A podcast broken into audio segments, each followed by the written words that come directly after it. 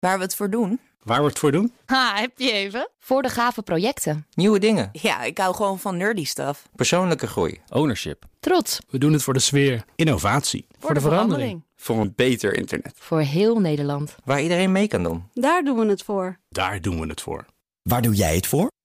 Kom werken voor KPN en groei op jouw manier. Check de actuele vacatures op het gebied van data, security, development en networking op jobs.kpn.com/tech. Wetenschap vandaag.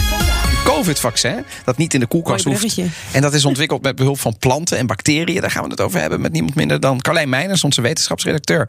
Carlijn, er gebeurt hier een heleboel. Ehm praat ons er even doorheen, alsjeblieft. Graag. Eh, het gaat om twee kandidaat-vaccins ontwikkeld door onderzoekers van de Universiteit van California San Diego. Met als hoofdingrediënten virussen van planten en bacteriën. Ik ga zo even uitleggen hoe dat zit. Maar een van de redenen waarom dit behoorlijk indrukwekkend zou zijn als het in mensen goed blijkt te werken.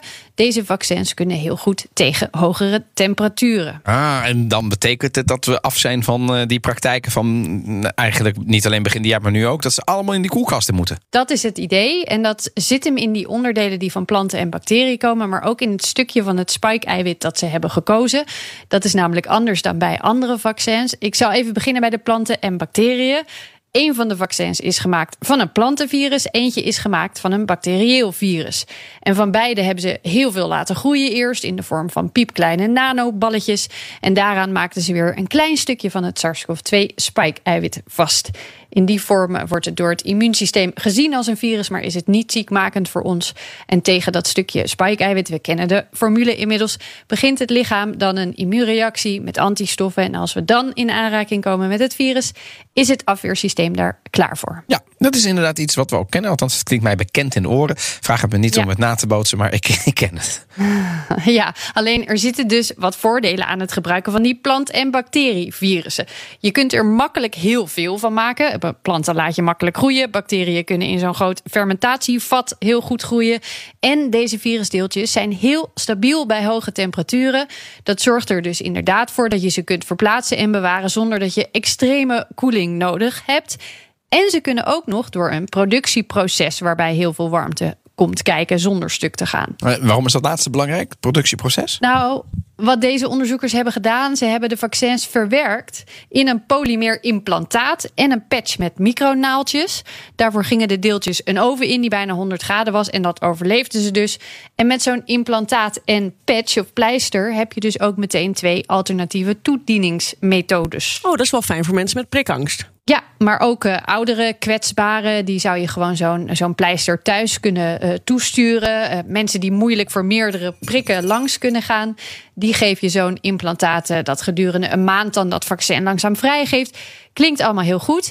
Nu is het nog wel zaak dus dat het getest wordt bij mensen. Bij muizen zagen ze dat alle drie de vormen, dus implantaat, pleister of prik, hoge aantallen antistoffen als gevolg had antistoffen die ook werkten tegen SARS. En dat heeft weer te maken met welk stukje spike-eiwit ze dan hebben gekozen. En hoe zit dat dan precies? Nou, dat stukje is niet eh, het onderdeel van het spike-eiwit waarmee het virus zich aan de cel bindt. Dat onderdeel waarmee het zich aan de cel bindt, daar zie je, ju- zie je juist veel van die eh, variaties, varianten ontstaan. Het stukje wat ze in deze nieuwe vaccins hebben gekozen, daar zien ze dat een stuk minder. Dus een ander onderdeel daarvan. En daarom is de hoop dat deze nieuwe vaccins beter tegen nieuwe varianten kunnen, omdat dit onderdeeltje daar niet zo gevoelig voor is. En kan het daardoor ook tegen andere virussen werken? Dat hopen ze wel. Dat je een soort basisvaccin kunt maken. Dat je snel kunt aanpassen aan een nieuw virus. En dan hoef je eigenlijk alleen maar dat kleine virusdeeltje dat je erop plakt elke keer aan te passen. Klinkt bijna te mooi om waar te zijn dit. Er zijn, eh, er zijn ook nog wel wat kanttekeningen. Het, Ah, ja. het, het belangrijkste is, het moet getest worden op mensen nog. Oh, dat is het nog allereerste wat er moet gebeuren. Oh, oké. Nee, dat noemde ik al even. Ja. Dat, eh, dat is belangrijk. Ehm, eh, de labtesten waren veelbelovend, maar we moeten dat nog checken natuurlijk. Dat is, dat is echt het allerbelangrijkste. En wat gebeurt als het lange tijd in hoge temperaturen ligt? Blijft het dan ook nog stabiel? En is er nog eentje waar ik niet eens zelf aan had gedacht, maar waar hoogleraar immunoparasitologie Maria Jastan-Bachs van het LUMC mij op wees. Zij werkte aan vaccins voor bijvoorbeeld malaria. En zei: Het afweersysteem van mensen in landen als Afrika en Indonesië, zeker in de buitengebieden, is anders dan dat van de rest van de wereld. Het is niet zozeer genetisch, komt omdat deze mensen vaker in contact zijn geweest met bepaalde virussen en parasieten.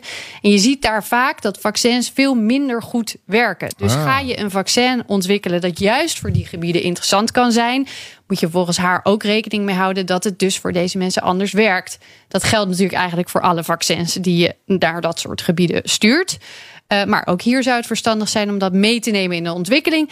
Dus genoeg te doen. Maar uh, ik vond het een interessante nieuwe aanpak Nou. Om eventjes genoemd te hebben. Ja, en sowieso ook weer eh, fijn om weer eventjes de aandacht te hebben op die COVID-vaccins. Want uh, we hebben al een tijdje niet iets van nieuwe gehoord. Maar deze die gaan er sowieso nog wel een Je tijdje zou- over doen hè, om op de markt te komen. Ja, je zou uh, dat, dat ook. Maar je zou bijna denken dat er niet meer keihard aan wordt gewerkt. Maar dat is natuurlijk wel zo. Wel zo helemaal met het idee dat, dat er nog veel varianten voorbij kunnen gaan komen.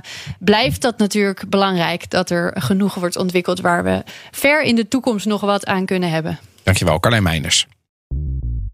Bij BNR ben je altijd als eerste op de hoogte van het laatste nieuws. Luister dagelijks live via internet. Bas van Werven. En heel langzaam komt de zon op rond dit tijdstip. Je krijgt inzicht in de dag die komt op BNR, het Binnenhof in Nederland en de rest van de wereld. De Ochtendspits. Voor de beste start van je werkdag. Blijf scherp en mis niets.